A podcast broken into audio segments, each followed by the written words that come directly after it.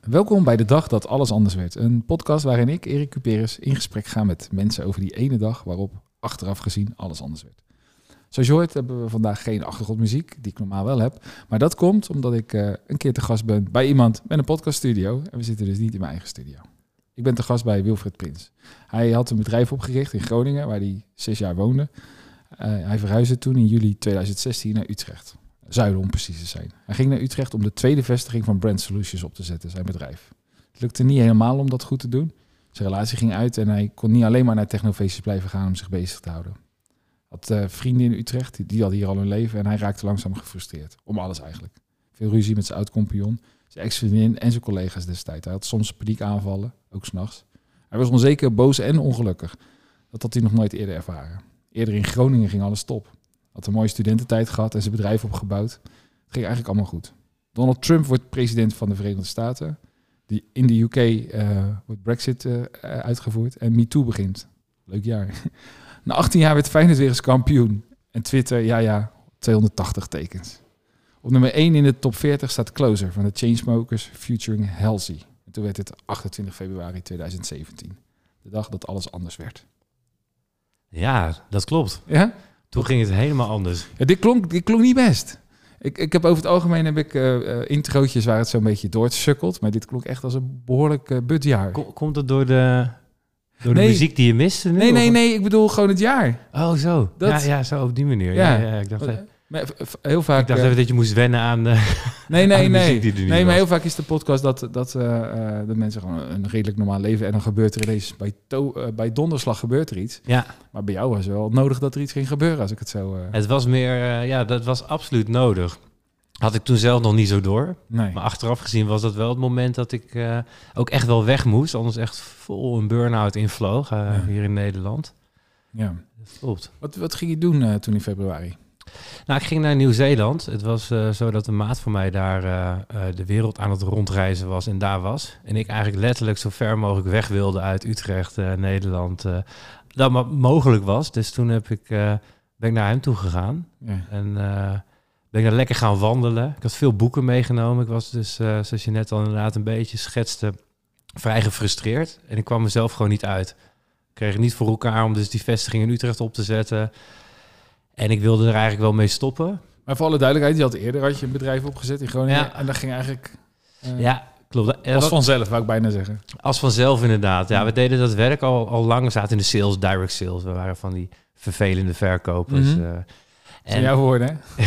ja, nee, ik, ik dek mezelf altijd ja. uh, wel in. In het begin zei ik van, ja, we verkochten ook veel andere dingen. Was ook wel zo, maar we waren ook gewoon deur-aan-deur verkopers. Mm. En uh, de reden dat het goed ging was omdat ja, uh, onze vrienden werkten ook gewoon bij ons. Dus het was een beetje natuurlijk gegroeid. Ja. En uh, ja, dat was gewoon een soort van verkapte studententijd. Maar dan een studentenbedrijf hadden we opgezet. En dat ging gewoon allemaal vanzelf. Ja. Die tweede, ja, ik kende niemand in Utrecht, dus dat was echt moeilijk. Dus toen begon het lastig te worden. En, en, en, je was naar Utrecht gegaan echt om die tweede vestiging op te zetten? Ja, dat hadden we ook zo afgesproken. Mijn compagnon die moest, uh, want ik had dan een soort van deeltijd mijn studie afgemaakt. En ik zou dan de, uh, naar Utrecht verkassen. Hij zou daarna later ook naar Utrecht toekomen, zodat we daar ons hoofdkantoor konden vestigen. We Hmm. waren groot aan het denken. Hoe oud was je? Um, ik was toen 26 toen ik naar Ja, ja. Utrecht verhuisde. Toen waren wij al vanaf, ja, we waren denk ik twee, drie jaar bezig. Ja. En dat ging dus goed en je dacht, nou, we gaan gewoon precies doen wat alle bedrijven doen. Tenminste, wat mensen denken dat bedrijven doen. Ja, en ook wat mensen doen, hè? Want Ja. iedereen die in Groningen woont, die vertrekt uiteindelijk. Ja. Dat het toch gewoon eh, ja, er net wat te weinig eh, komt, werkgelegenheid is. jij komt oorspronkelijk uit Groningen. Uit het noorden van het land. Ja, ja. Ja, Drenthe. Ja, want er zijn natuurlijk ook mensen die uit Utrecht komen, die gaan dan vier jaar in Groningen studeren. Klopt, ja. Nee, bij mij was het... eh, Daarna weer terug. Inderdaad, nee. Dus nee, het voelde wel als een logische stap. Misschien ook wel omdat al mijn vrienden ook al die stap hadden gemaakt. En ik vond Groningen een hele mooie stad, nog steeds eigenlijk. Alleen was het wel tijd voor, eh, voor nieuwe uitdagingen. Zo voelde dat ook wel. Ja, ja. Het, eh, het, het ouderlijk ne- nest ook een beetje achter je laten. Die, eh, je eigen, je roots. Ja, je was toch nog stiekem nog 40 kilometer bij je Ja. ouders vandaan. Hè? Dus, ja, het is in de buurt van je geboortegrond. ja, ja, exact. Ja. Dus voelde dat ook zo? Zo volwassen worden? Nou, ehm, to- toen ik uit Groningen wegging, niet per se. Ja, misschien daarna wel eigenlijk. Als je dan zo, eh, als je echt niet goed voelt in een bepaalde tijd. En als je, eh, dan denk je wel van, eh, als je er dan weer een beetje bovenop komt, dan voel je wel echt volwassen worden. Dat je Ja. denkt, ja, nou kan ik wat meer aan. Dat, dat, dat, Dat was, dat was na, na die... Precies. Ja, toen, toen had ik dan niet het gevoel Nee, oké. ja, ik zit een beetje te vroeten, maar ik, ik vraag me dat zo... Want je gaat dan naar Utrecht en dat lijkt allemaal heel logisch. En het is misschien ook wel cool of stoer of zo. Ehm, Ja. Ja. maar, maar, maar, maar je beschrijft ook eigenlijk al vrij snel een soort eenzaamheid. Nou, dat klopt ook wel. Kijk, weet je wat het is? Die, zo'n vestiging opzetten, dat deed je dan met z'n tweeën. En dat was best wel pittig eigenlijk bij Vlagen. Maar je deed het wel met z'n tweeën. En we waren ook heel complementair aan elkaar. Hmm. En ineens moet je alles zelf doen. Dan heb je eigenlijk als het ware een soort van twee, twee bedrijven in één. Welk, welk, welk stuk was van jou en wat van die ander? Ja, ik was meer met de mensen bezig. Dus, eh, dus met, met het coachen en het trainen van Ja. mensen. En eh, ja, mensen op pad sturen, mensen erbij houden.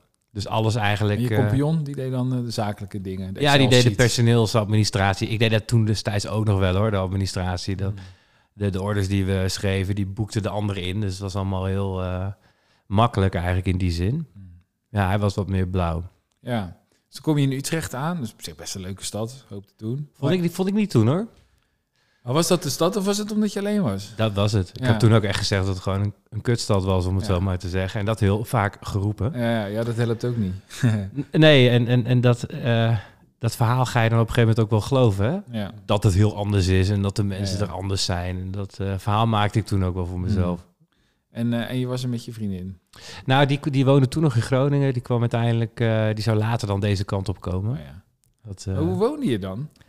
Ja, ik woonde in, eh, in, in Zuilen, dus eh, op de begane grond. Je hoorde ook letterlijk als mensen dan langs het, het raam liepen, dan leek het alsof ze bij mij naar binnen stapten bij het Ja. raam. Dat was, ook echt gewoon geen fijne plek om te zitten. Een lekkere overstap, man.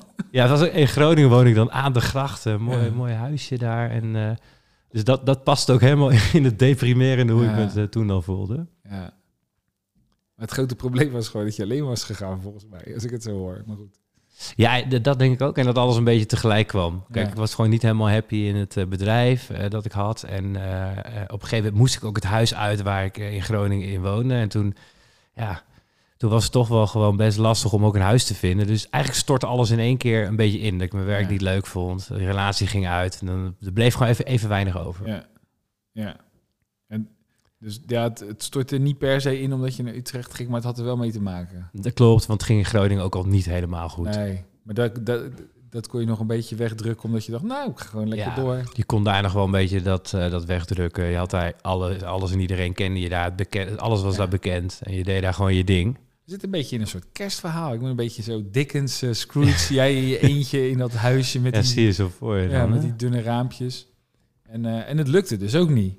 Dat bedrijf opzetten. Nee, en, en ook echt... en ik ben wel gewoon iemand die... Ik probeer het steeds meer... eh, Ja, ik werd gewoon steeds gefrustreerder. Probeer ik het voor, voor elkaar te krijgen om dit op te bouwen. Ja, Ja, ja in plaats van eh, even een stapje terug ging je steeds een stapje harder. gewoon En beuken, zeg maar. Ja. Dat was in die tijd ook echt de enige modus die ik eh, Ja. kende. Ja, dat werkt niet, hè? Nee. nee. Oh, ik moet me er zelf nog steeds wel eens aan herinneren hoor. Ja, dat ja. is wel een, eh, de stand die, eh, waar ik als eerste invlieg als Ja. iets niet lukt. Gewoon eh, gaan. Oplossen. Ja. ja. En hoe, lang- hoe lang heeft dat ongeveer geduurd? Deze, ja, op zich viel dat allemaal wel mee. Hè? Kijk, en het is ook allemaal niet... als je dan soms verhalen hoort inderdaad in jouw podcast. mm, En dit was gewoon... Ik denk dat dit ongeveer een, een jaar heeft geduurd. Maar dan wel echt diep, dat je diep gaat, zeg maar. Ja. Ja, goed, ja, wat jij zegt, ja, je ho- je hoort soms verhalen, maar ja, nee, ik, vind nou, ik zeg altijd, het doet er niet zoveel toe, want elk verhaal is gewoon eh, in zichzelf wel heel waardevol. Mm. Maar ik denk ook dat veel mensen dit ook wel herkennen, dat als iets niet lukt, dat je dan extra je best gaat doen. En dat is niet altijd de oplossing. Eh, soms wel, ook trouwens. Soms werkt het heel goed, gewoon kan je doorbeuken. ja, Ja. En jij, want je had natuurlijk net al verteld, op een gegeven moment, je hebt een vriend die is lekker op reis. Nou, blijkbaar had je ook nog wat geld over voor een ticket, gelukkig. Ja, financieel ging het wel oké. Oké, De business, dat is ook het gekke, hè? Toen Ja. ons business-wise steeds beter ging, ging het met mij persoonlijk steeds minder. Ja, oké. dus het ging zakelijk niet slecht. Het was Nee. gewoon alleen niet leuk. Nee, en, en hier kwam die vestiging niet van de grond, maar in Groningen liep best wel goed. Dus Ja. dat maakt ook niet zoveel uit. Dus je voelde ook qua zingeving, miste er ook wel wat Ah. dingen. Dat je dacht, ja, het boeit dus ook helemaal niks als het nu hier niet van de grond komt. Nee, want Groningen draait wel. En Groningen, dus daar had ik zelf ook heel veel moeite Ja. mee toen. Ja, je had ook gewoon terug kunnen gaan naar Groningen, maar je ging naar Nieuw-Zeeland. Ja. ja, ik ging naar Nieuw-Zeeland. Vond je toch nog dat het moest lukken? Ja, 100 procent. Ja, Ja, ja. er was ook geen andere optie. En dat, Nee. dat was ook wel weer...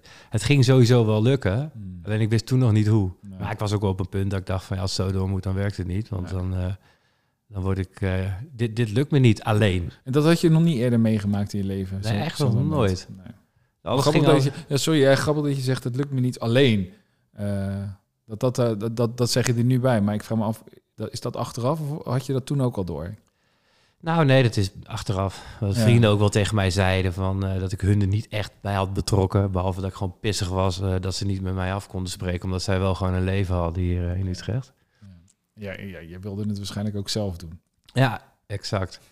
Ja, Nou, en die vriend die was lekker op reis, jij kon het betalen, dus ticket geboekt en je ging heen.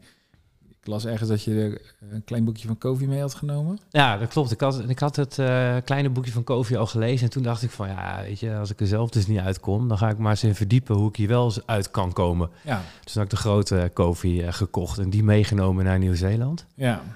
En dat... eh, We hebben het over het boekje The Seven Habits, vermoed ik. zeven eigenschappen. Zeven ja. eigenschappen. Ja. Ja, voor de mensen die dat niet kennen, ja, die, ja, die luisteren volgens mij niet naar deze podcast. Maar ik denk dat iedereen wel eens gehoord heeft van Stephen Covey en zijn zeven eigenschappen. ja, Managementboek, in principe, maar het gaat ook heel erg over eh, mens zijn. Zeker. En, en ik denk dat ik dit boek echt op het juiste moment las. Want ik, ik, ik gaf alles en iedereen de schuld. Ja. Behalve mezelf. Dus ik dacht, nou ja, dat werkte niet. Dus Ja. laat ik het eens een keer op een andere manier proberen. En, eh, vanaf nu echt de volledige verantwoordelijkheid nemen voor elk resultaat dat er, eh, dat er, dat, eh, wat er gebeurt in mijn leven. Dat is best wel eh, breed, maar vooral Mm. werktechnisch gezien. Maar, maar eh, dat was gelijk nadat je het boek had gelezen, voordat je het boek ging lezen. Want het is wel, het- we maken zulke sprongen. Ja, ik snap natuurlijk, jij hebt het inmiddels verwerkt. Ja, En het is altijd leuk, achteraf kun je zo'n zo'n pad heel goed beschouwen. Nou, kijk, toen was het wel zo dat ik dacht van... ik kwam er ook wel achter, hè, want je begint dan te- ik ging gewoon veel lezen. En ik, ik las veel over, ehm, nou, over verantwoordelijkheid, maar ook wel over... waar gaat het nou echt om? Mhm. En toen dacht ik, ja, sales is veel te plat voor mij. Dat, dat besef had ik heel snel. Dus Ja. ik, ik, ik, ik, dat was, het ging wel heel snel. Toen ik daar eenmaal was in Nieuw-Zeeland, eh, ontstond dus heel snel het idee van... we gaan het echt helemaal anders doen. Want ik ben dan, als ik dan iets lees Ja, of leer, dan wil ik dat ook gelijk aan andere mensen gaan vertellen. Ja, ja. Dus, dus, dus ik was eigenlijk nog bezig in mijn eigen proces, maar Ja. toen ik terugkwam, toen had ik de eerste kernwaarde al bedacht. ja, Dat was namelijk eh, proactiviteit, verantwoordelijkheid, maar dat god in die eerste instantie vooral voor mezelf. ja. Zoals, Maar- zoals het meestal is. Heel vaak als mensen zoiets opschrijven, eh, als je alles met kernwaarden aan de gang bent, mensen die dat voor het eerst doen, die, die maken meestal een verlanglijstje. Tenminste, zo noem ik dat dan. De dingen die ze het liefst zouden willen zijn of hebben. Exact. Dat is dan ineens de kernwaarde. Ja. ja, het was niet eens mijn persoonlijke, maar wel heel erg gericht op eh, hoe het in het bedrijf moest zijn. Ja, ja, ja. Want ik, zeker moest ik zelf verantwoordelijkheid nemen op het Ja. gebied van leiderschap, Ja, maar mensen ook voor hun resultaten Ja, in de sales. ja, ja. Want dat kon nog wel eens helpen. Ik dacht, als we nou eens die focus verleggen van de resultaten van sales, maar wat ligt eronder? Namelijk die mindset, de verantwoordelijkheid bij mensen, dat helemaal plat slaan. ja. Ik denk, dat kan nog wel eens werken. En het heeft meer met groei en ontwikkeling te maken. En daar ben ik eigenlijk veel blijer van. Hmm. Dus toen groeide, toen begon ik weer een beetje op te bloeien. Dat ik dacht, Ja. Gaat het leven dan toch, ja, dat klinkt zwaar, maar gaat het dan Nee. toch mooi worden? Ja, ja. Want dit is eigenlijk wel waar, je, Hmm. waar, waar ik enthousiast van werd. Niet zozeer van het geld. Nee. Ja, je dacht dat volgt vanzelf. Nou ja, dat, dat was het toen op dat moment wel, maar ik was doodongelukkig. Ja, Ik denk, dat is gek. ja. En toen dacht je, als ik andere mensen gelukkig ga maken, dan word ik ook gelukkig. Ja, exact. Ja. Dat helpersyndroom had ik natuurlijk. Eh. ja, is zo grappig. Maar ja, ik hoor al, je bent daarna ook nog weer andere dingen gaan leren. ja, het is ook weer zoiets, maar dat zouden mensen ook wel herkennen. Dan denk ik, ik heb al heel vaak gehad, dat ik dacht, ja, nou heb ik hem, of zo. Ja. En dat heb je heel vaak. Dat, dat blijft maar gewoon... zo- Ah, ja, jij hebt het in ieder geval heel vaak. Ik heb het wel vaak, Ja. dus ik ben er nu maar mee opgehouden, omdat ik ook Ja. geen idee heb en dat het maar blijft eh, gebeuren. Ja. Ja, toen ik zo mijn pad van persoonlijke ontwikkeling opging, toen had ik ook allemaal van dat soort momenten. En op een gegeven moment zei iemand tegen me, ja, je moet het een beetje zien als, als het schillen van een ui. En elke keer als je denkt dat je er bent, dan zou je er nog weer een laagje afpellen. En eh, toen dacht ik, ja, ja. Omdat ik net in het moment zat dat ik dacht dat ik het begreep. En eh, dat klopt. En vol- volgens mij gaat het zelfs nog verder. Namelijk, als je maar lang genoeg blijft pellen, kom je erachter dat er helemaal geen kern in die ui zit. Eh, er is helemaal niks af te pellen. Maar dat, dat boek is nog niet geschreven hoe dat zit. Maar, Die is, ja. gaat wellicht geschreven Ja. worden. Nou, er is in ieder geval altijd iets te leren. Zeker. Ja. Ja. Het is grappig omdat eh, ik merk heel, eh, heel sterk aan jou dat je er echt over nagedacht hebt en het verhaal dus ook heel goed weet te vertellen. Dus je slaat elke hele grote stap over. Ik, ik ben er nog een beetje op reis. Oh, oké, dan gaan we Nee, geeft niet. terug. Nee, dat vind ik, vind ik leuk. Maar volgens mij, want je, je, je, je las Covey. Nou, dat zijn zeven eigenschappen. En toen zei je, ja, toen had ik door dat ik eh kernwaardes voor, voor mensen en dat was proactiviteit Ja, was de ja, eerste. Wat, wat, wat, was hetgene wat je las in dat boek, wat bij jou resoneerde? Nou, ik denk dat dat, als je dan kijkt naar de eigenschappen van eh, twee van Covey, ehm, dat, dat resoneerde heel erg. Dat mijn gevoel van waardigheid eh, op dat moment, eh, zeg maar tot dat moment, heel erg afhankelijk was geweest van externe zaken. Ja. Zoals het bedrijf, dus hoe goed het met het bedrijf ging, met mijn relatie eh, en hoe vaak ik naar feestjes kon, Ja. eh, was bepalend voor hoe ik mij voelde. ja. En ook de waarde die ik letterlijk mezelf toekende. ja.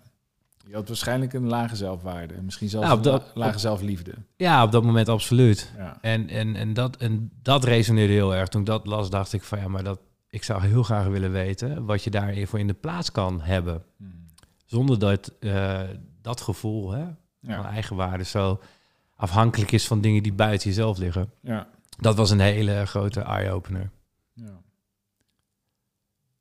Het ook, ik vind het ook wel interessant dat je dat wel zo snel oppikt op de een of andere manier. Was je daar al eerder mee bezig? Nee, eigenlijk niet. Het je, was, bent, je bent eigenlijk, ja, dat, Het is, ja, het, is, het is wel zo dat dit verhaal, want ik ging toen ook dus, eh, wat ik al net al zei, van ik nam alles gelijk mee het werk in. Het is Mhm. wel gelijk het verhaal wat ik ook vertelde in die trainingen. ja, Dus het duurde wel even hoor. Maar ik denk een jaar of twee later was het al wel verwerkt ook in de trainingen van dat ik tot die, hoe ik tot die inzichten was gekomen. ja, ja. Dus ik denk dat ik misschien wel snel daarop kan reflecteren wat er gebeurt. Ja, ik zit ook een beetje te zoeken, want je was ook nog echt jong. Relatief Absoluut. gezien, en maar ook gewoon echt. en ehm, kijk, soms, soms leer je iets, je leest iets en dat raak je op de een of andere manier. Ja, ja, dit is het. En dan ga je het al vertellen. Ehm, en dan kunnen zelfs andere mensen er ook echt iets aan hebben. En dan kan het soms toch nog een tijd duren voordat het bij jezelf echt inkikt. Zeg maar dat je het echt snapt. Nou, ik denk dat dat nog wel, want dat was ook zeker niet aan de hand. Maar de basis was wel gelegd van eh, het verleggen van die.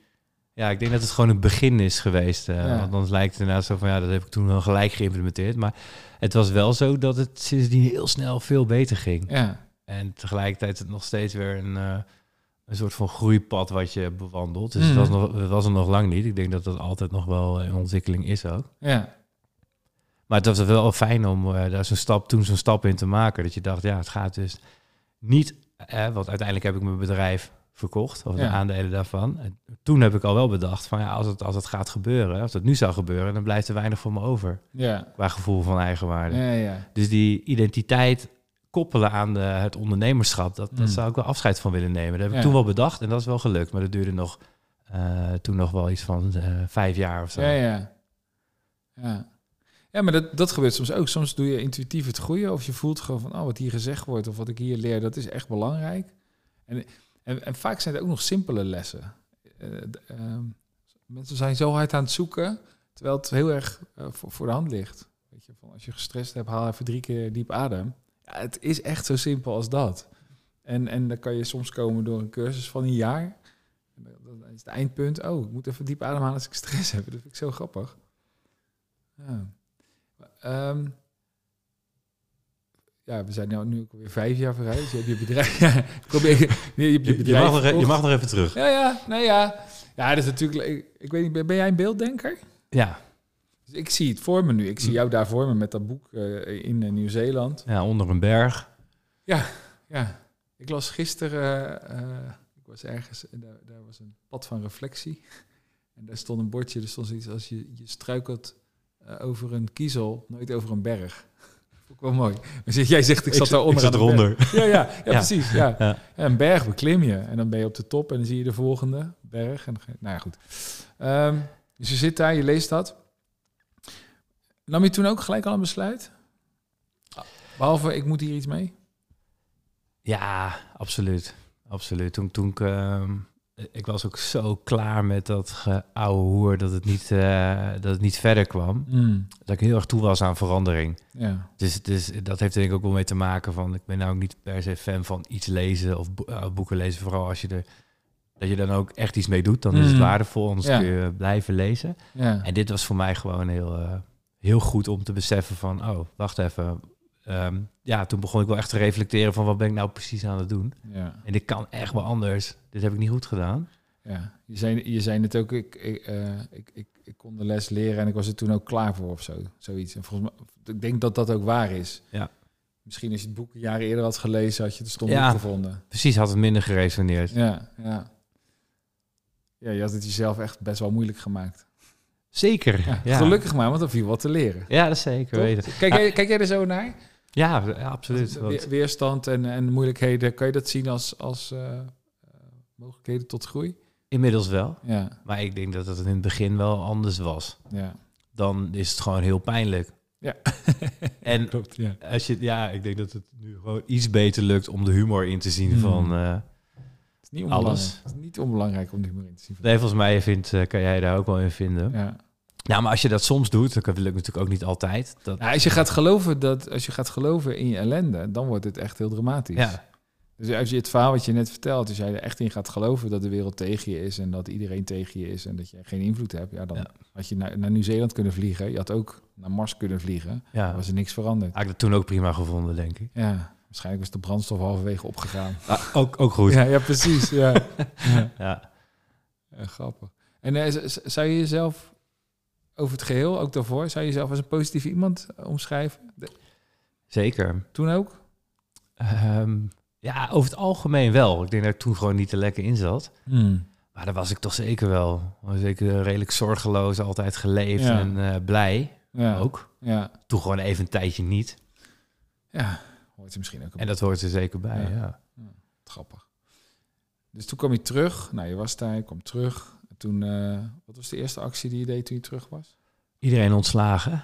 Echt? Nee, nee, dat was een grapje. Nee, Dat zou wel leuk zijn. ja, nee, ik, ik weet nog wel dat mijn compagnon eh, destijds toen best wel veel eh, nieuwe mensen had aangeleverd.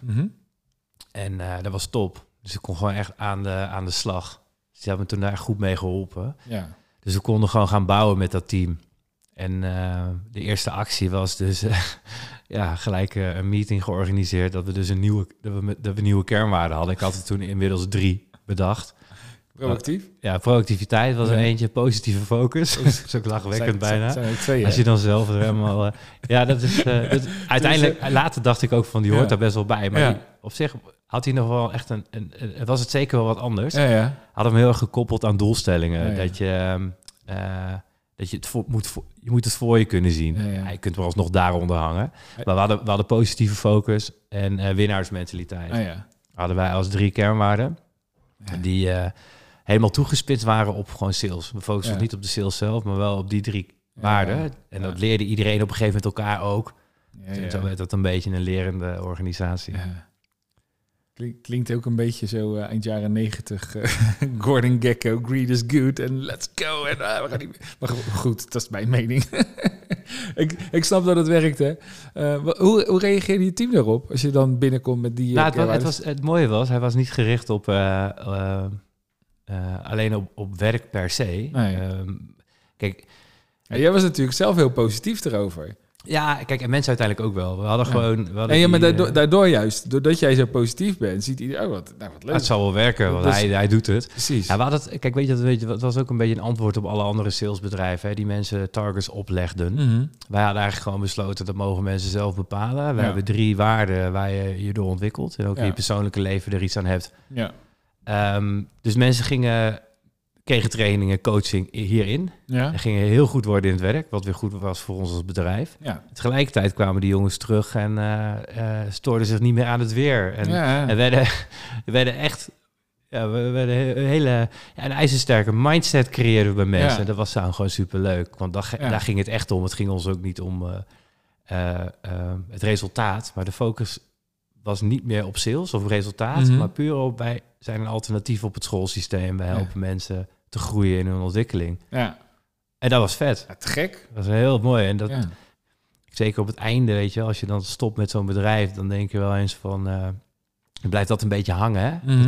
Maar als we, we hadden nog een keer een reunie en dan hoor je dan de verhalen hoe ja, dankbaar mensen zijn voor die Ja. tijd. Dat we echt met hele mooie dingen bezig waren, dat veel verder ging dan sales. Want, want ik doe nu even een aanname, is niet waar, is niet me zeggen. Maar jullie hadden waarschijnlijk ook personeel wat ergens anders een beetje buiten de boot viel. Of misschien niet aan de slag kwam. Ja, de meeste. Ja, Kijk, eh het had ook wel weer met mezelf te maken. We waren inderdaad er voor mensen die eh, niet per se in het, in het huidige systeem pasten. ja, ja. Het zijn vaak wel mensen die super leuk en goed kunnen communiceren. Maar zich niet zo goed aan een, eh, aan een systeem kunnen conformeren. Ja, Ja. En, en, maar bij jullie hadden ze dan blijkbaar wel dat vertrouwen. Of bij jou, weet ik veel. Ja, ik denk dat het ook, kijk, ik, als je dan een beetje teruggaat naar, eh, naar vroeger, ehm, had ik zelf het idee dat ik niet helemaal een, een kans kreeg op school. Waar ik later ook achter kwam dat ik dus dat is een heel bedrijf had opgetuigd om vervolgens andere mensen dat wel Ja. te bieden, Ja, wat ja. je zelf niet had ge- Ja, gehad. Ja. Ja, maar dat was wel, eh, dat was wel aan de hand. Dus, dus, dus die, dat, dat werkte heel goed, omdat je bij ons echt, het ging om jouw intrinsieke drive Mhm. eh, als, als, als belangrijkste, jouw ontwikkeling. Dat jij over nadenkt wat je belangrijk vindt, waarvoor je staat en wat je wil. En dan komt het werk daarna wel. Zo deden we dat eigenlijk. Ja. Maar ja, mensen die binnenkomen, die solliciteren toch ook gewoon op een baan. Ja, en toen zeiden wij van ja, weet je, dat is mooi, dat, eh, dat, dat, kan, dat, dat gebeurt, dat kan allemaal Ja. hier. En dit doen we ook. Ja, ja. ik ben niet zo grappig. Ik, ik, la- ik las laatst ook een bedrijf die dan, die nemen mensen gewoon sowieso aan. Dan gaan ze kijken wat je kan en dan kijken ze welke baan ze voor je hebben. Het is wel een heel groot bedrijf overigens. Ja, En dat vind ik echt heel tof. adviseer ik niet. eh, als, je, als je net begint, zou ik je niet adviseren. Nee, maar ik vond dat wel heel tof. Is wel tof inderdaad. Anders Zeker- dan... eh, zeker mensen die geen of weinig kansen hebben, ja. die zijn zo dankbaar dat ze dan gewoon eh, worden gezien. Mhm. Dat ontbreekt natuurlijk ook heel vaak. En jij, zei eh, eh, ook, ik probeer het even terug te halen. Eh, iets wat je zelf had gemist, dat heb je uiteindelijk opgetuigd voor anderen. Ja. Valt het even goed? ja, dat klopt. Wat had je gemist? Nou, toen, toen ik op de basisschool zat, was een redelijk christelijke school. En mijn ouders waren dat niet per se. Ja, toen had ik niet het gevoel dat ik daar echt kansen kreeg. Ik Hmm. voelde me letterlijk wel gewoon anders behandeld. Maar Ja. wa- wa- waarom denk je dan? Eh, omdat, ja, ik denk omdat wij niet geloofden, hè, dat een beetje. En, ja, ja, je eh, komt uit een klein eh, christelijk dorpje. Precies. Ja, en dan speelde dat voor mijn gevoel wel mee. Maar het is ook gewoon, het is niet eens per se alleen naar hè, die school. Want op zich heb ik ook nog wel een aardige tijd te gehad. Mm. Het is meer gewoon van dat ik niet helemaal dat systeem begreep van waarom moeten we iets leren. En ja, dan ga je toch denken dat je weinig in je hebt zitten. Zo groei je een beetje op. Omdat je niet past in een bepaald systeem. Ja, Daar verzet ik me heel erg tegen. Het schoolsysteem. Ja. Ik dacht, ja, maar dat werkte voor mij niet. En dat werkt überhaupt voor heel veel mensen niet. Nee. Het is heel makkelijk te, in deze tijden om tegen een systeem aan te schoppen. ja. Als het schoolsysteem. Maar ik dacht wel, we gaan het anders doen. ja, ja. Eh, iets, en, dat, en dat komt daar wel vandaan. Daar ben ik me wel bewust van. Dat je een systeem optuigt die de mensen ziet. En eh, wil Mm. helpen in hun ontwikkeling. Zou je kunnen zeggen dat dat, dat, dat sowieso in onze maatschappij, eh, in jouw ogen dan, gezien worden of niet gezien worden? Dat dat een rol speelt in waar het misgaat? Om het dan die taal te geven. Ja, ik denk het wel. Ik denk Ja. dat dat wel, eh, dat wel zo is. En dat we daar ook gewoon ja, niet, niet eens vanuit de verkeerde intentie, Mhm. maar een beetje uit onkunde. Hè? Dus we doen het op een bepaalde manier. Ja, ja. We, we kunnen het alternatief niet voor ons zien. Nee. Het is ook wat lastiger, denk ik. Hè? Wat wij deden kon je niet, is niet heel makkelijk te kopiëren of te implementeren in dan drie vestigingen. En daar hadden we zelf ook best wel moeite mee, bijvoorbeeld met het bedrijf. Ja, je bent er zelf blijkbaar lang voor nodig. Ja, Ja. En, en ehm, ik kan me ook voorstellen dat er dan ook nog een aspect aan zat. Want als je dat jongetje beschrijft op die basisschool, die werd niet gezien. Dat lijkt me ook niet per se leuk. En je zegt ook al terecht, er waren ook leuke kanten aan. Eh, maar ik kan me ook voorstellen, als je dan zo'n nieuw systeem optuigt, dat is toch een beetje jouw speeltuin. Dus dat word je wel gezien, absoluut. toch? En die medewerkers, hey, Ja, die, die waren heel blij. ja. Ja. Dat zal ook ongetwijfeld een rol gespeeld hebben in het optuigen van die organisatie. Zeker. Toen we dit eh, eenmaal hadden staan, ja, daar, daar was ik wel trots op. Ja, Klopt. En dan voel je ook wel gezien. ja, ja. ja. Ook wel eens leuk. Ja, nou ja, terecht. Ja, je doet Ja. ook iets goeds. Ja. Eh, En, en wij mensen hebben dat nodig op de een of andere... Grappig, hè? Autonomie, verbondenheid. Je wil heel graag verbonden zijn en je wil ook heel graag keuzes maken. Je wil ook heel graag autonoom zijn. Ja, Lijken allemaal tegenstrijdigheden, terwijl het allemaal samen kan gaan. het, het kan allemaal. Ja, klopt. Ja. ja. En, eh, maar, maar het klinkt ook alsof het toen eh, heel leuk werd weer, je bedrijf. Ja, absoluut. Het Utrecht was, eh, ineens de mooiste stad ter wereld. dat was de beste stad. De Was, verkering was uit, je kon volop Ja, stappen. dat was echt, de wereld zag er heel anders uit. Heel veel studenten hier, dus je had eh, aanspraak te over. Ja, het was Nou, een... eh, eh, happy ever after. Ja, dit is wel. eh, ik ging ook verhuizen. Ik ging toen naar de, naar Malibaan verhuizen in Utrecht. En ja, De was- Malibaan. ja, Oh ja, ik weet niet of de luisteraars het kennen. Altijd als ik op de Malibaan rijd, dan moet ik denken aan... eh, ja, dat is echt, dat is misschien voor mij. Maar het is toch die met die, met die twee rijen bomen? ja, klopt. Ik zie altijd van die hele grote ja, SS-stoeten. dat, daar, Toch? Daar klopt dat. eh, dat was daar toch ook echt? dat was daar, ja. ja. ja. Nee, Dus via, wat oude, via wat oude connecties was ik. eh, nee. Nee, maar het is een prachtige laan, maar het is ook... Ja, ik had heel veel geluk gehad. hè, dat, Ja. toen begon namelijk ineens dingen weer te werken. Dan kon ik daar. Ja, ja. maar ik vind het grappig, want je hebt natuurlijk net al gezegd dat je uiteindelijk je bedrijf hebt verkocht. Ja. Dus daarom ging ik net naar, eh, even naar Honky Dory, eh, Halleluja, glo- eh, grote glory. mhm. Alles gaat goed. Dus dan ben ik benieuwd waarom het dan toch weer, eh, welke laag er dan uiteindelijk afgepeld gaat worden. Maar we gaan eerst even, alles gaat goed, het bedrijf begint te lopen, het groeit. Je verhuist naar de Malibaan, schitterende straat in Utrecht. Dat is ook echt Ja, zo. Ja. En toen? Ehm, nou ja, de- ik denk dat eh, eh, eh, op dat moment hebben we echt een paar hele goede jaren gehad. Toen werkte die visie, die filosofie begon echt gewoon te werken. En eh, eh, ja, er ontstond een bepaalde verbinding onder dat team. Ja. Wat gewoon zo mooi was, dat je dacht, ja, daar, daar doen we het voor. Hoeveel mensen had je toen ongeveer? Nou, wij zaten toen, ik denk, ehm, in totaal zo toen op 90. Nou, dat is echt fors.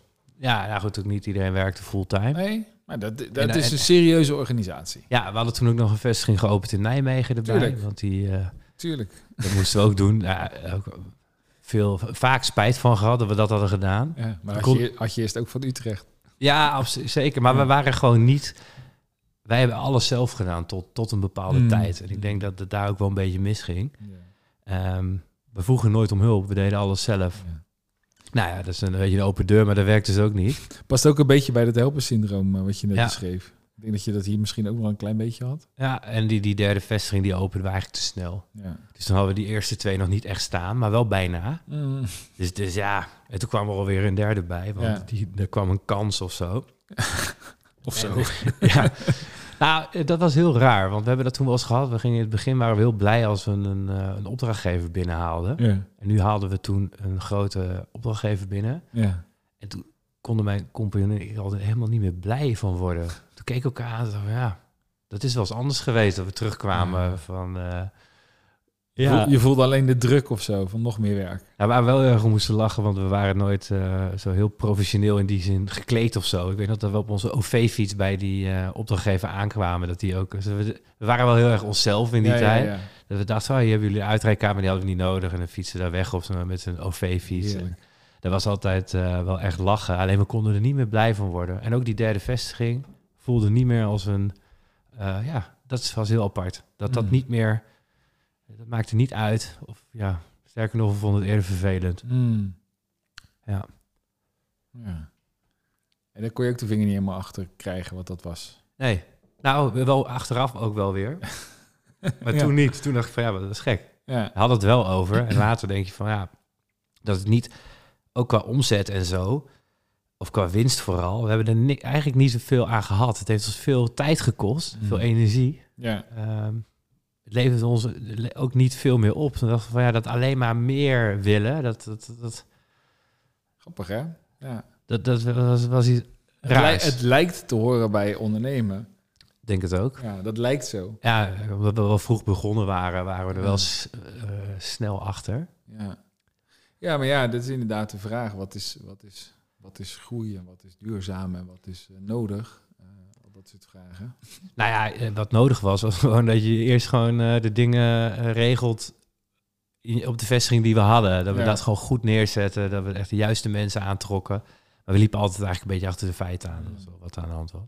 Ja, maar de, ja, ik kon allemaal verklaringen bedenken, maar dat weet je zelf doen is goed. Maar het is gewoon grappig dat je heel blij was met, want dat zie ik in je ogen als je dan vertelt over de mensen en het enthousiasme, dan, dan ga je helemaal aan.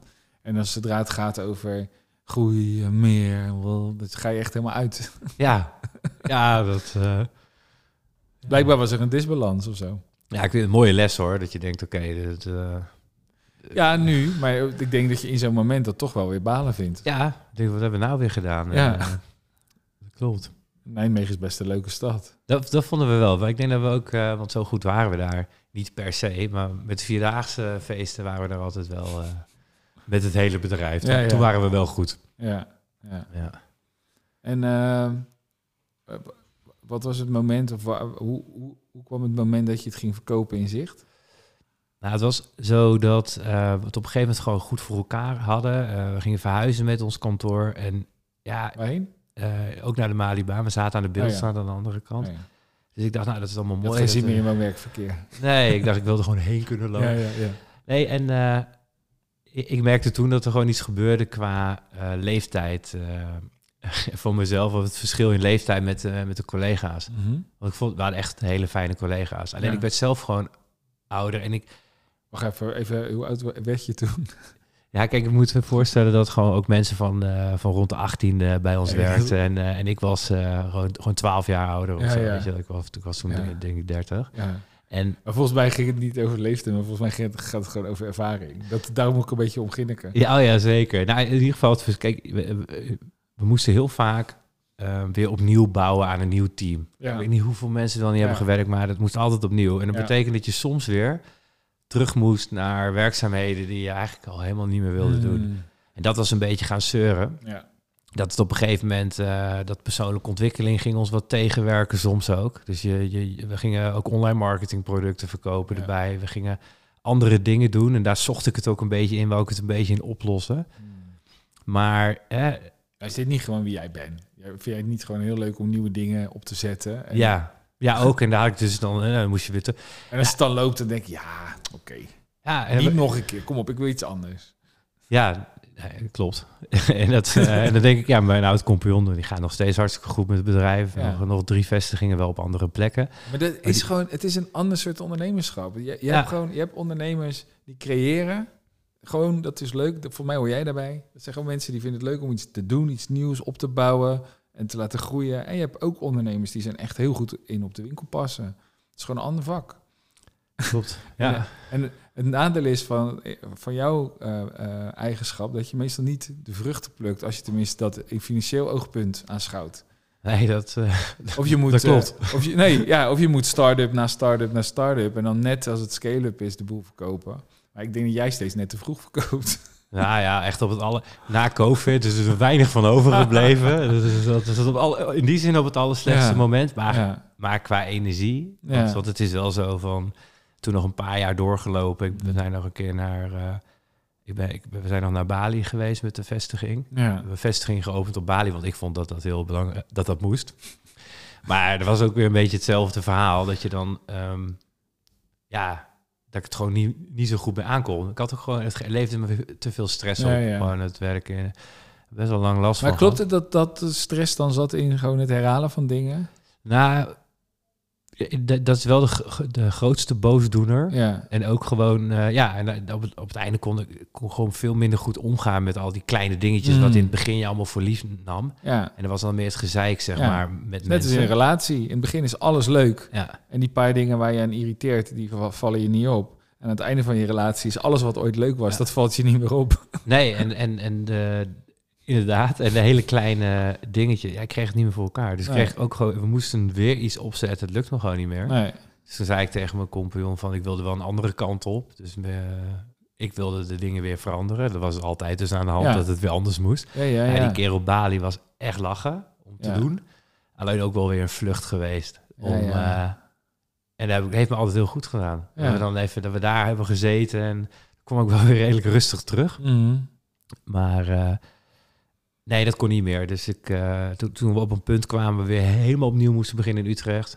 Toen, eh, toen gezegd tegen mijn oud compagnon van, eh, ik doe het niet meer. Nee. Ja, en toen was, toen was het klaar. Nou, had je nog een boekje? Ging je Waar ging je heen? Met welk boek? dat was nu niet zo nodig. Nee. Nu was het wel gewoon even tijd om uit te rusten. ja, Dat is nu twee jaar geleden ongeveer. ja. En nee, dit was gewoon eh, opladen. Want dat had me toch wel veel gekost. ja. Bij energie. Maar voor, volgens mij, vooral, vooral doordat je dingen aan het doen was waar je niet zo zin in had. Denk het wel. Die er wel bij horen wellicht. Die er wel, die er wel bij horen. Of waarvan je denkt dat ze erbij horen. Ja. Ja. De- wat, denk je? Zijn het de dingen die erbij horen of de dingen waarvan je denkt dat ze erbij horen? Laat ik het anders eh, vragen. Kun, kun jij makkelijk dingen loslaten? Ja, denk het wel. Ja. Ik denk het op zich wel.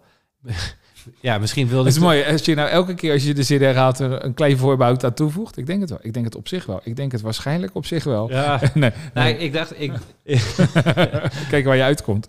ja. Ah, nee, eigenlijk helemaal niet. Nee, Nou, ik moest denken aan, die, eh, aan werk en zo. Kon ik altijd heel makkelijk loslaten. En Ja. ook eh, nu met de nieuwe tak, dus onze club voor ondernemers. Ja, dat kunnen we heel snel loslaten. Mhm. Eh, ik zat ook even te denken of het wel echt zo was. Dus eh Ja. hardop te bedenken, van, is, het, is dat in de rest ook zo? Ja, ja. Ik denk het wel. Waarschijnlijk wel. Ja, kijk, volgens mij eh, eh, heeft ieder mens een bepaalde manier waarop hij of zij of hen het fijnst eh, functioneert. En dat, ja, dat kan je niet altijd in je leven of in je werk inbrengen, soms ook wel. Maar het, het ontdekken van je echte kernwaarden, dat is daar wel key in. Ik moet ineens denken aan Simon Sinek. Ken natuurlijk ook, heeft ook een paar hele leuke boeken geschreven. En die, eh, die heeft op zijn naambeds heeft hij altijd optimist staan als omschrijving van wie die is.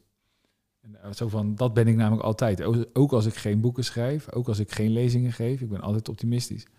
En eh, toen dacht ik, ja, dat, dat is wel de truc. En ik heb al een paar keer gezocht bij mezelf, ik kom er nooit helemaal uit. Als ik, als ik dan bij mezelf optimist, dan denk ik, ja, daar ben ik wel, maar dat heeft Simon Sinek al. Alsof er maar één optimist mag zijn op de wereld. Ja, mag je niet. Die is al geclaimd. Ja. Welke zou jij eh, op, je, op je badge eh, zetten?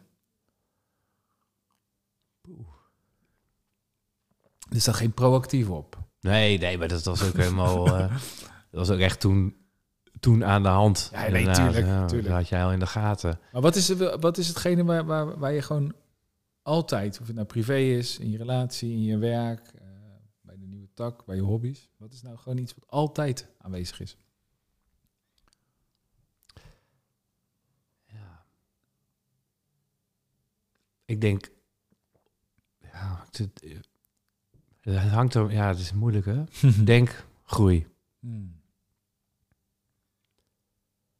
En dan als in leren, Ja. ontwikkelen. ja, zelf groeien, anderen helpen om te groeien. Zelf geïnspireerd worden, anderen inspireren.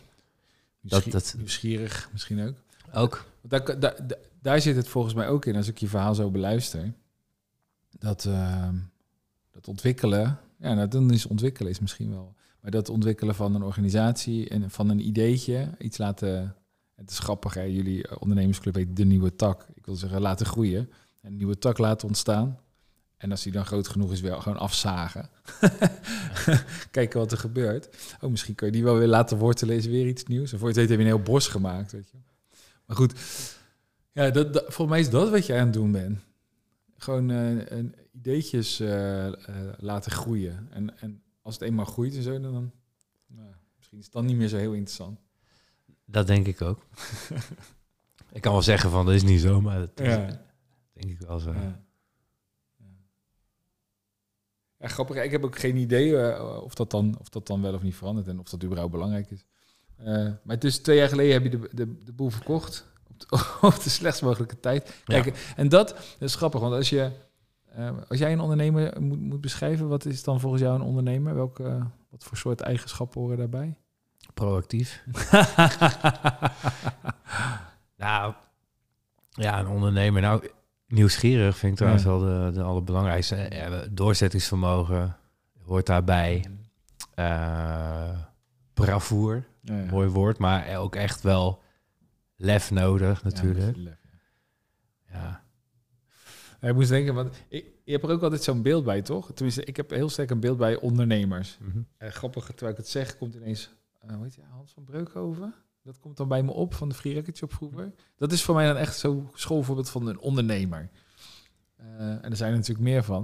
Maar je hebt ook van die lui, dat zijn gewoon inderdaad managers die gewoon op de winkel passen of zo. Dat zijn in mijn ogen helemaal geen ondernemers. Nee, mensen die echt, ik snap wat je bedoelt. Mensen die wel iets aan het creëren zijn, Ja. aan het bouwen zijn, dus dan Ja. een ondernemer. Ook een beetje, een beetje eh, gekke keuzes maken, eh, met soms ook spannende dingen met geld doen, grote risico's durven nemen.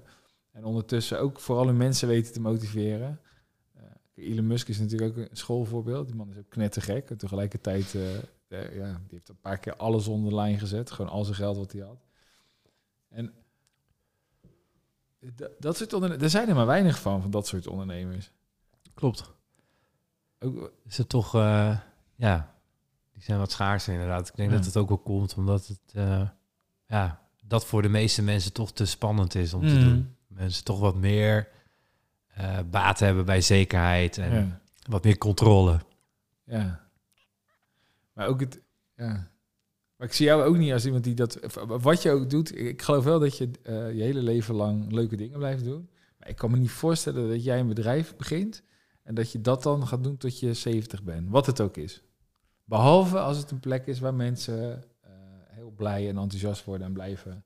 Omdat ze het gewoon in die tribe willen of zo. Ja, dat het iets duurzamer is of Ja, zo. ja. Ja. ik heb er wel eens over nagedacht. Wat me wel tof leek is om een soort van eh, ontwikkelcentrum te bouwen. Ja. Ja, want die kan ook voortdurend in de ontwikkeling zijn. Juist. Hè? En, ja, eh, dan kan het tenminste veranderen. Ja. Je bent gewoon heel snel verveeld. ja, Ja. dat is ook aan de hand. Ja. Terwijl zo'n ontwikkelcentrum, daar komt elke keer weer iets nieuws binnen. Zo. Kun je weer naar, eh, naar de volgende stap. En, eh, Ja, wat nu, dus je zegt dat en dat is ook wel zo. Maar het is wel, het is wel zo dat het plafond was eh, in het bedrijf dat ik had echt al lang bereikt. ja, En nu zie, vind ik heel veel dingen weer echt spannend ja, om te doen. ja. Ja, dan heb je het over... eh, ja, in het begin dacht je, ja, we trainen en coachen altijd onze mensen. Nu doe je dat eigenlijk bij bedrijven. Maar ik Ja. moest er wel even weer opnieuw in gaan geloven dat ik dat Ja. ook goed kon. Misschien even vertellen wat je nu doet. Ja, ik doe nu teamontwikkeling. Ja. Eh, ik geef spreektrainingen, leiderschapscoaching bij Spreken voor Publiek voor mezelf. Mhm. Ja, en eh, we hebben die nieuwe tak opgericht. Dus een club voor verschilmakers Ja. en eh, ondernemers. ja, Dus eigenlijk eh, verschillende dingen. ja. Ja, dat is grappig. Verschilmakers, verschillende dingen, diversiteit, ontwikkeling. Dus ik, ik ontdek wel een thema. Ja, dat zal ook wel niet veranderen. Maar het verandert Nee. nu ook in die twee jaar verandert ook alweer heel veel. Want Ja, in het begin had ik geen idee wat ik ging doen. Ik dacht, ik wil wel iets met mensen doen. Iets met trainen of wel coachen. Ja, En het leukste vind ik er wel gewoon om, om sessies te begeleiden en, eh, en, en, en ja, mensen verder te helpen. Dus dat is nu wel wat, eh, wat duidelijker aan het worden allemaal. Maar daar is nog wel wat... En, eh, en, en net zei je dat daar ook wel een aspect in zat waar je jezelf nog aan het helpen was. Is dat nog steeds zo of is dat wat minder? wel wat minder. Ik vind het ook niet erg. Hè? Ik bedoel, ik heb daar geen orde over. Nou, ik denk dat het hand in hand gaat volgens mij. eh, ik heb het wat, wat meer nodig gehad. Veel Mhm. coaching gehad ook. Ja, Ehm, ja, dat was zeker in die tijd toen ik stopte met het bedrijf dat ik had heel erg nodig. En nu is het ook. Ik had toen ook, ik ging toen die tijd niet zoveel om met, met, met, met mensen waarvan misschien ik iets van kon leren. En dat is gewoon nu heel erg veranderd. Ah, ja. Dus het is misschien ook minder nodig. Ik Ja, maak ja. zelf natuurlijk nu ook een podcast. En je ontmoet ook meer gelijkgestemden. Dus een, meer een plek waar je ook geïnspireerd wordt. Ja. dat klinkt als een grote verandering van degene die het voorbeeld is naar degene die een voorbeeld zoekt. Ja, en het, ja, klopt. En ik denk dat hij nu in ieder geval twee kanten op gaat. En toen eh, in het bedrijf was ik altijd degene die, die, ja, die de mensen moest inspireren. Ja. Dat was ook wel zwaar. Ja. Ik nam trouwens ook wel eens de verantwoordelijkheid over van mensen ja. om eh, te groeien. Dat ik dat nog liever wilde dan zij. Dat was heel raar eigenlijk. Maar, maar nu denk ik dat ik gewoon zelf eh, gewoon groei op een wat eh, ja, op een goede manier. Ja. Soms ook zeker als ik goede mensen ontmoet, dan laat ik mezelf ook graag coachen. En Ja. eh wil ik altijd blijven leren. En aan de andere kant, Maakt het ook Ja. eenzaam, toch? Als je op die positie bent, zelfs als je 90 man personeel hebt. En, als iedereen naar jou opkijkt, of in ieder geval jou nodig heeft om... dat, dat lijkt, lijkt heel verbonden, maar ik kan me voorstellen dat het behoorlijk alleenig is. heel erg, ja. Ik zo terugkijk, denk ik dat dat wel zo is. Daarin ook. Ja. Er werd ook wel eens tegen me gezegd hoor, van... eh, ja, moet je daar niet een keer wat mee? Want je bent Hmm. alleen maar Ja, ja. met iedereen bezig de hele tijd. Ja. Ja. Nou, maar misschien juist wel om, eh, dan, dan haal ik dat jongetje er weer bij op die basisschool, die daar ook niet helemaal bij hoorde. En ook niet in het systeem paste. Nou, dan bedenk je je eigen systeem. En nog steeds. Dan hoor je er nog steeds niet helemaal bij. Ja, Ja. dat, is, dat is trouwens ook wel, eh, ik weet niet jij naar kijkt, maar de, de, de positie, eh, spreken voor het publiek, eh, voor een groep gaan staan. Vond, ik- vond ik twee jaar geleden zelf ook vet spannend. En Mm. nu... Maar het is Ja. ook een, het is ook een als je er wat holistisch naar kijkt, is het ook een slimme manier om niet uitgestoten te kunnen worden. als je op het podium staat. Ja, Ja. want de groep zit naar jou te kijken.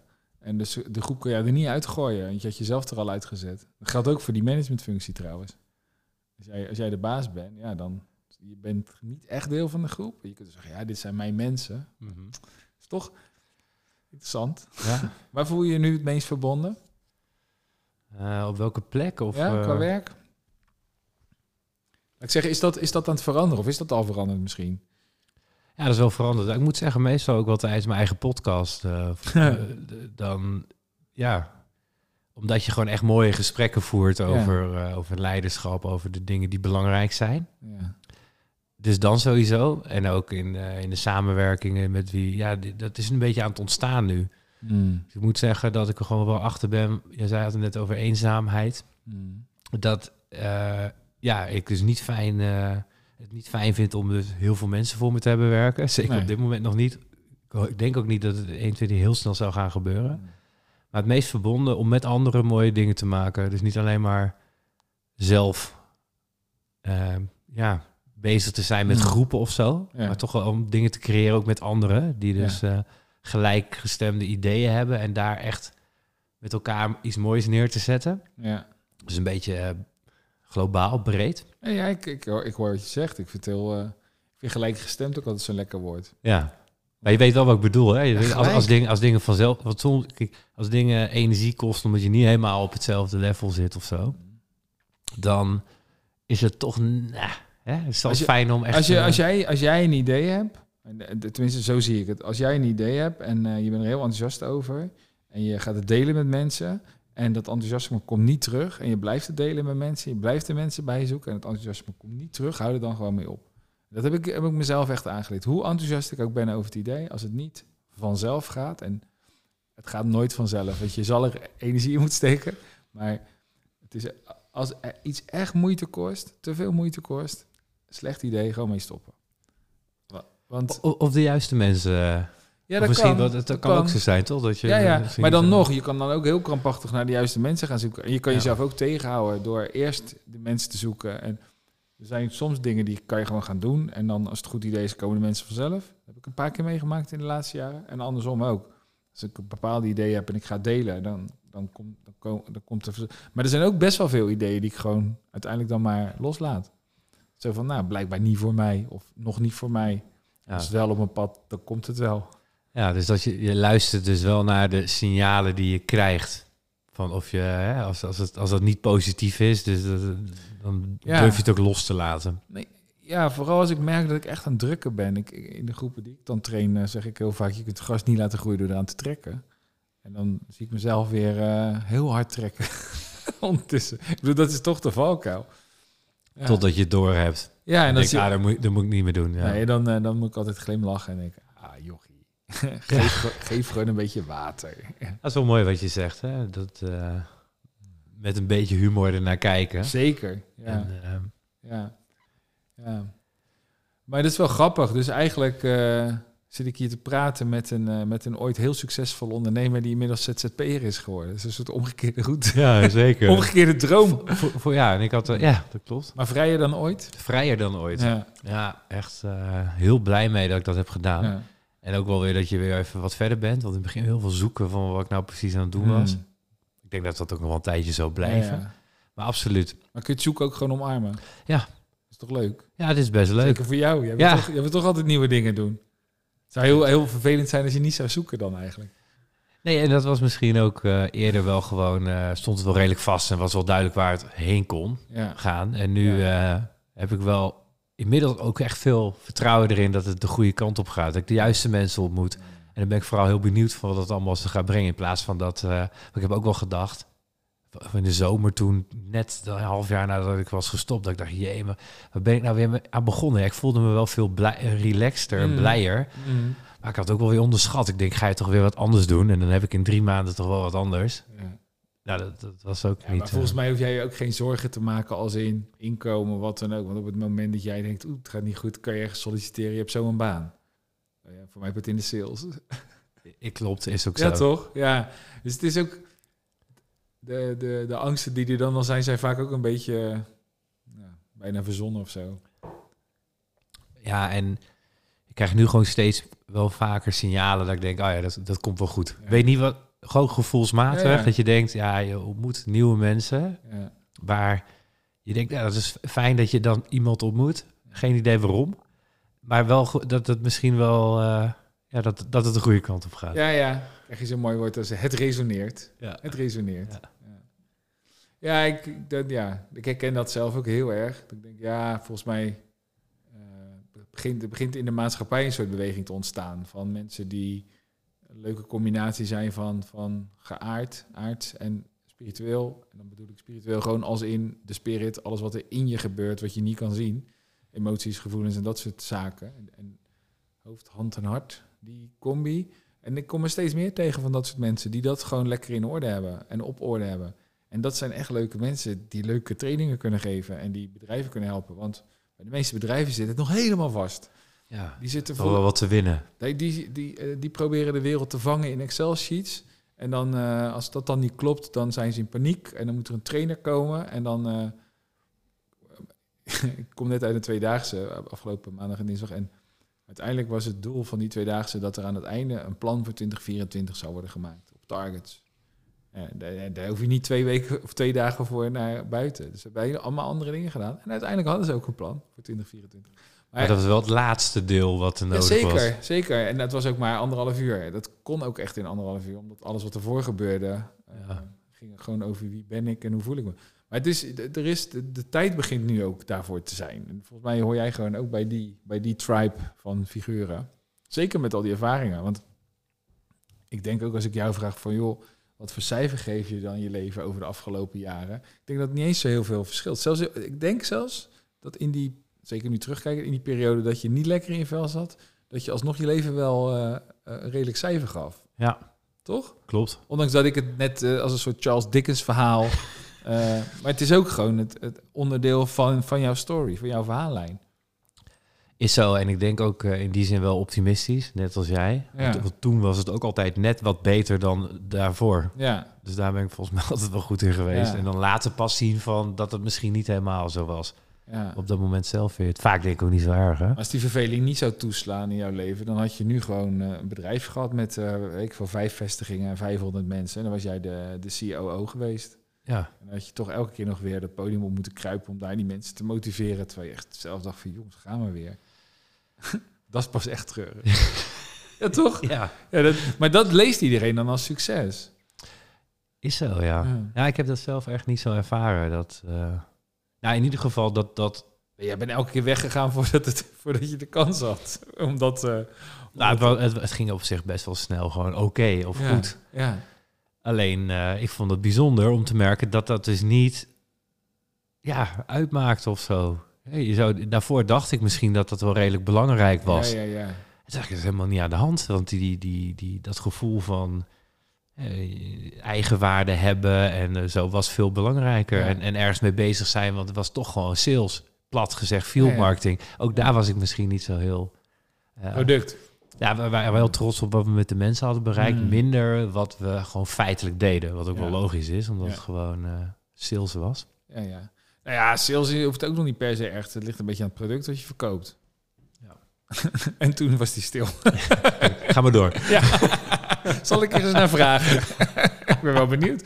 Was huis aan huis toch ook? Ja, het dagbladen was ons eh, dus gewoon eh, Krantjes. krantjes. Ja, dat is de- belangrijk. In een, in de maatschappij hebben we gewoon heel... Het is heel belangrijk nieuws. Ja, hebben we toen ook gezegd. Maar het was ook grappig, want op Ja. een gegeven moment zei je dus altijd... Je, je weerlegt altijd wat, waarom het zo eh, ontzettend belangrijk Maar is. mensen waren het die figuren die dan zo bij de supermarkt stonden. Nee, wij waren die figuren die eh, langs de deuren dan gingen. Oh, ja. We waren eigenlijk de, ja, de enige die dat dan weer deden. ja, ja.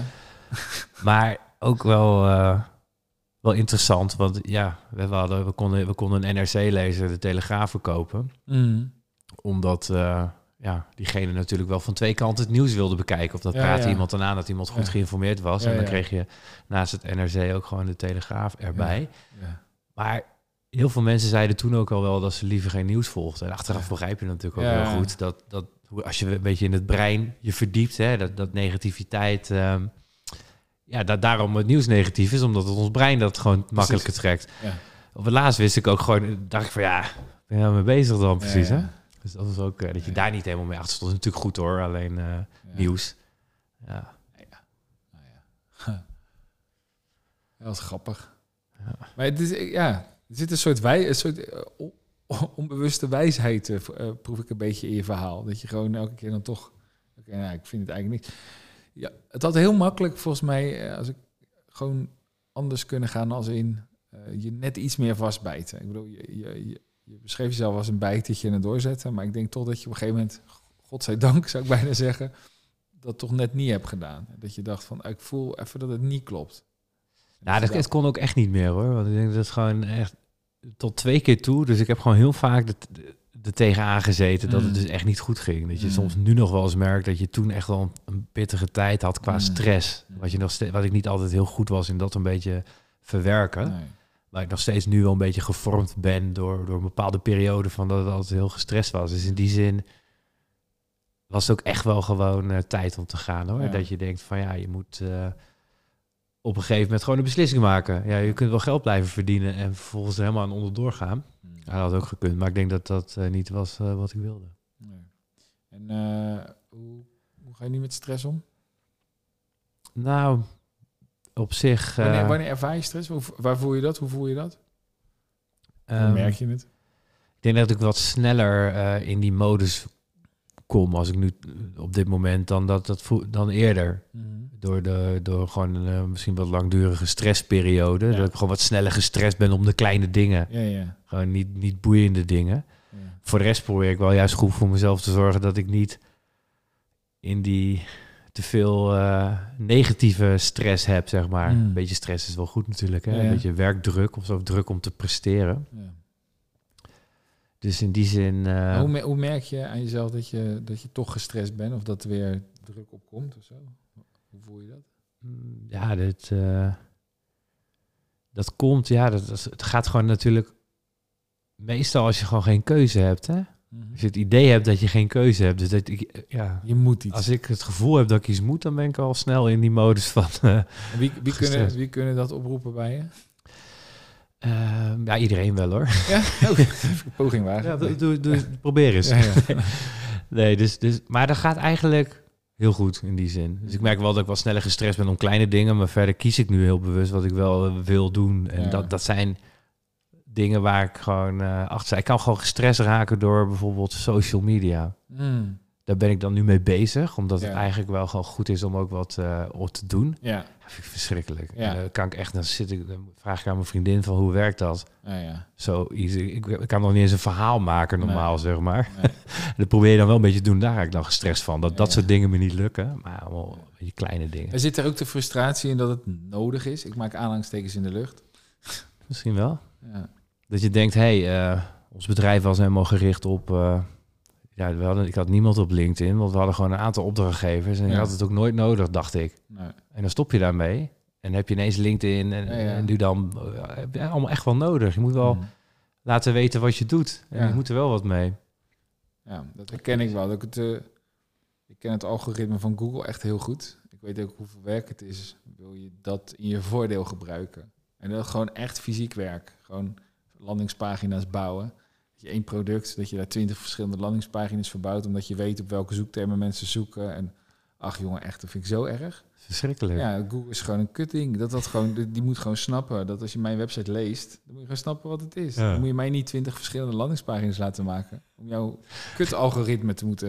Vind ik echt serieus hoor. Dat vind ik zo stom. gaan we wel steeds meer naartoe, hè? Dus Mhm. waar, wij, waar we het nu over hebben, waar we ons aan storen. Ja, Het gaat wel, eh daar had ik het ook nog laatst met iemand over. Het wordt wel steeds meer, denk ik, een tijd voor creatieve mensen. Die ja. tools die er allemaal gewoon ondersteunend zijn en dit soort dingen voor je doen. Want dat kan Mhm. toch wel? Dat je gewoon hele Ja. landingspagina's... eh, ja, maar dan krijg je dus, en dat, is, dat vind ik nog lelijker. Ik heb het nu op mijn eigen website een beetje.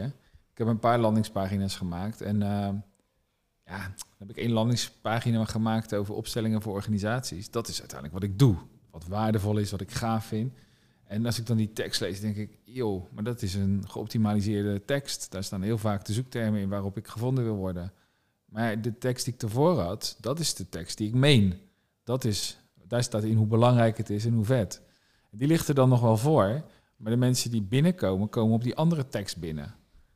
En, herken eh, ik heel erg. ja, ja, en dan hoop ik dat ze doorklikken en daarna de, de echte tekst lezen. Ik zou bijna onderaan mijn landingspagina zetten. Nou, je hebt, dit was de tekst voor de zoekmachine. Maar eh, lees nou even hoe ik het eigenlijk opgeschreven had willen hebben. Ik zou het lezen als jij dit doet. Ik zou- Ik zou zeggen doen. Ja. Ik weet niet of ik een... eh, of ik- Ja, ja, nee, maar ik, zou- ik vind het wel goed. misschien moet ik er zelfs mee beginnen. Let op, de hieronder staande tekst is alleen maar bedoeld voor zoekmachines. Voornamelijk. Ja. Ja. Vergeet niet door te lezen. Nou ja, Dat dan zou- is de grap, dan heb je wel gelijk een backlink in je pagina. En dat vind ik ook, ook belangrijk. En, en mensen willen het dan ook wel weten. Zo van, oké, dus dit is... Dan wil ik weten wat dit is. het om is- vervolgens te kunnen vergelijken wat... nee, klopt. Ja, het is geen, het is geen slechte tekst. Het is ook geen onzin, maar het is gewoon heel eh, koud en zakelijk. En ja, met veel herhaling ook. Nou ja, goed. En dat heb ik dus ook met sociale media. En hoewel ik LinkedIn heel leuk vind, omdat ik eh, begin COVID bedacht heb, eh, ik ben mijn product. En ik doe niet aan marketing. Ik vertel alleen maar wat ik wil vertellen. Toen ben ik ook begonnen met mijn podcast. En ja, ik schrijf van alles. Ik heb ook wel artikelen geschreven, ook langere stukken. Soms heb ik iets gedaan en denk ik, oh, dat was echt leuk. En dan maak ik een foto en dan zeg ik, oh, dit was echt leuk. Ja, dat is ook wel mooi wat je zegt. Want hè, dat, dat bij, waar bij mij wel stress vandaan kon komen... is omdat ik het idee had dat ik iets moest doen. Mhm. Ik echt helemaal geen zin in had. Nee. Maar jij, jij verlegt hem wel naar van... Jij deelt nu gewoon wat je wilt delen. En dat is Ja. natuurlijk wel fijn. Ja, Want dan kom je ook een beetje los van... eh dat, wordt, dat is ook best wel leuk om te doen. ja precies. En dan, Ja, als je ja. daar even los van bent van wat moet en dat Ja. doet... dan komt dat denk ik ook zeker nu wel goed Ja. over. Ja, en, en wij mensen zijn zo fijngevoelig dat, dat als je een post op LinkedIn leest waarvan je, oh, daar moet ik dit van vinden. schrijf jij wel eens, heel eerlijk, schrijf jij wel eens, ik mocht vandaag X. Nee, Ik ik snap wat je, ik weet wat je Ik bedoelt. mocht vandaag voor een opdrachtgever, oh, Nee. echt. Nee, Oh, En dan vervolgens om mijn daar... nekharen gaan. Ja. Ik ben zo dankbaar. Ja, dat je eigenlijk even jezelf even goed hoog neerzet. Houd toch op. Zeg- ja, nee, maar serieus. Ik, Ja. Oh. Kijk, Ja. ik ben soms ook echt dankbaar voor klussen. Echt. Maar d- dat, ik echt denk, wauw, wat is het vet dat ik dit mag doen, zeg. Wat tof, weet je wel. En dat spat er bij mij wel vanaf als ik het opschrijf. Ja, ik snap wel wat je bedoelt. Maar Ja. mogen? Ja. Anyway. Ja, het is het, ik snap, het is interessant om die gewoon eh, eens te vertalen naar wat er nou eigenlijk echt wordt bedoeld. Ja, Weet je natuurlijk nooit helemaal, maar dat ja. vind ik wel leuk. Ja, ik moest ook lachen, want jij noemt jezelf natuurlijk de intrinsieke motivator. En Ja. dat- nee, ik weet niet hoeveel mensen doorhebben hoe grappig dat is. dat, oké, hier komt de intrinsieke motivator voor jou. Ja, mooi hè? Ik vind het heel grappig, ja. Ja, dat vind ik zelf ook wel. Maar die, dat hoor ik wel vaker natuurlijk. En dat was, was, ik zei tegen, ik was een beetje jaloers. Ik vond het echt serieus, ik vind hem heel leuk gevonden. Ik, eh, ja. ja. Maar ja, over twee jaar stop je er toch weer mee. Nou ja, het ging heel snel dat je erachter kwam dat je denkt, ook dit is niet helemaal handig. Ja. Want dit is wel heel, lijkt heel erg op een eenpitter. Ja. Dus ik heb nu dan eh, de podcast, is dan de leiders van nu. Dat is Mm. misschien iets meer een community of Ja, een eh, ontwikkelcentrum later of iets wat dan ook. Maar intrinsieke motivatie is wel een beetje eh, eenpitterig. Maar goed, Ja, zo be it. Je bent, je maar bent, het is wel je leuk wat bent mensen... altijd een eenpitter, toch? Ook. Ook zo Ja. hoor. Ja, maar leuk wat mensen dan zeggen, toch? Intrinsieke motivatie komt toch vanuit jezelf? Ja, ja, Dat is altijd wel mooi. ja. Dan denk ik, ja, En ik help je daarbij. ja, dat is toch zo. Als je mensen de juiste vragen stelt, dan uh, Ja. dat is uh, mensen aanzetten tot, uh, tot die innerlijke uh, Ja. kracht. Ja. En maar daarom, ik vind, ik- ik vind de verhaallijn van deze podcast is, de, is uiteindelijk de omgekeerde carrière, het omgekeerde carrièrepad. Dus van een heel succesvol bedrijf met veel medewerkers, wat voor veel mensen het einddoel is, maar dat had jij al heel snel bereikt, naar één pitter, maar dan wel veel gelukkiger. En je bent natuurlijk geen één pitter, je bent gewoon de spin, nog steeds eigenlijk, in een soort web van mensen die dingen met je doen. Ja, Super tof. ja. En ook best wel dapper dat je dat zo gedaan hebt. Ja dankjewel. Ja. Dat is mooi. Ja. nee, dat, uh, dat voelt ook wel zo. En, uh, Ben je zelf niet heel nieuwsgierig wat je over vijf jaar doet? Ja. ja. ja, maar dat komt ook omdat uh, het gaat toch best ook wel snel. Je ontmoet weer allemaal nieuwe mensen Ja. en er kunnen weer allemaal nieuwe dingen. Maar eh, het is wel redelijk duidelijk de essentie waar het over gaat of zo. Ik weet alleen niet precies de vorm. Dat is wel. Uh, Volgens mij is dat dus irrelevant. Als je eenmaal echt Ja. bij, als je bij je kern aankomt, dan kan je iets, uh, of je vindt iets, of je wil iets. En de vorm is irrelevant. Dat komt vanzelf. Ja. Maakt helemaal niet uit wat het is. Ja. Maar ik denk niet dat het een bedrijf is met 90 medewerkers die deur aan deur de boodschap gaan verkopen. Dat denk ik niet. Nee, dat eh, schat ik ook niet. Dat was ook wel grappig, want dat zei toen die accountant van, die had het over een concurrentiebeding en een relatiebeding. Ja. En ja, mijn compagnon en ik lagen wel helemaal in een scheur van, ja, nee, dat hoeft niet. Hij zei, ja, maar dat moet je wel echt doen. Ja, die wist ook wel natuurlijk dat ik dat nooit meer ging doen. Nee. Ik zou het niet eens kunnen. Nee. Dus nee, dat zou inderdaad niet gebeuren. Leuk om met je te spreken, dankjewel. Leuk dat ik hier mocht zijn. je was er al, het is jouw huis, het is jouw pand.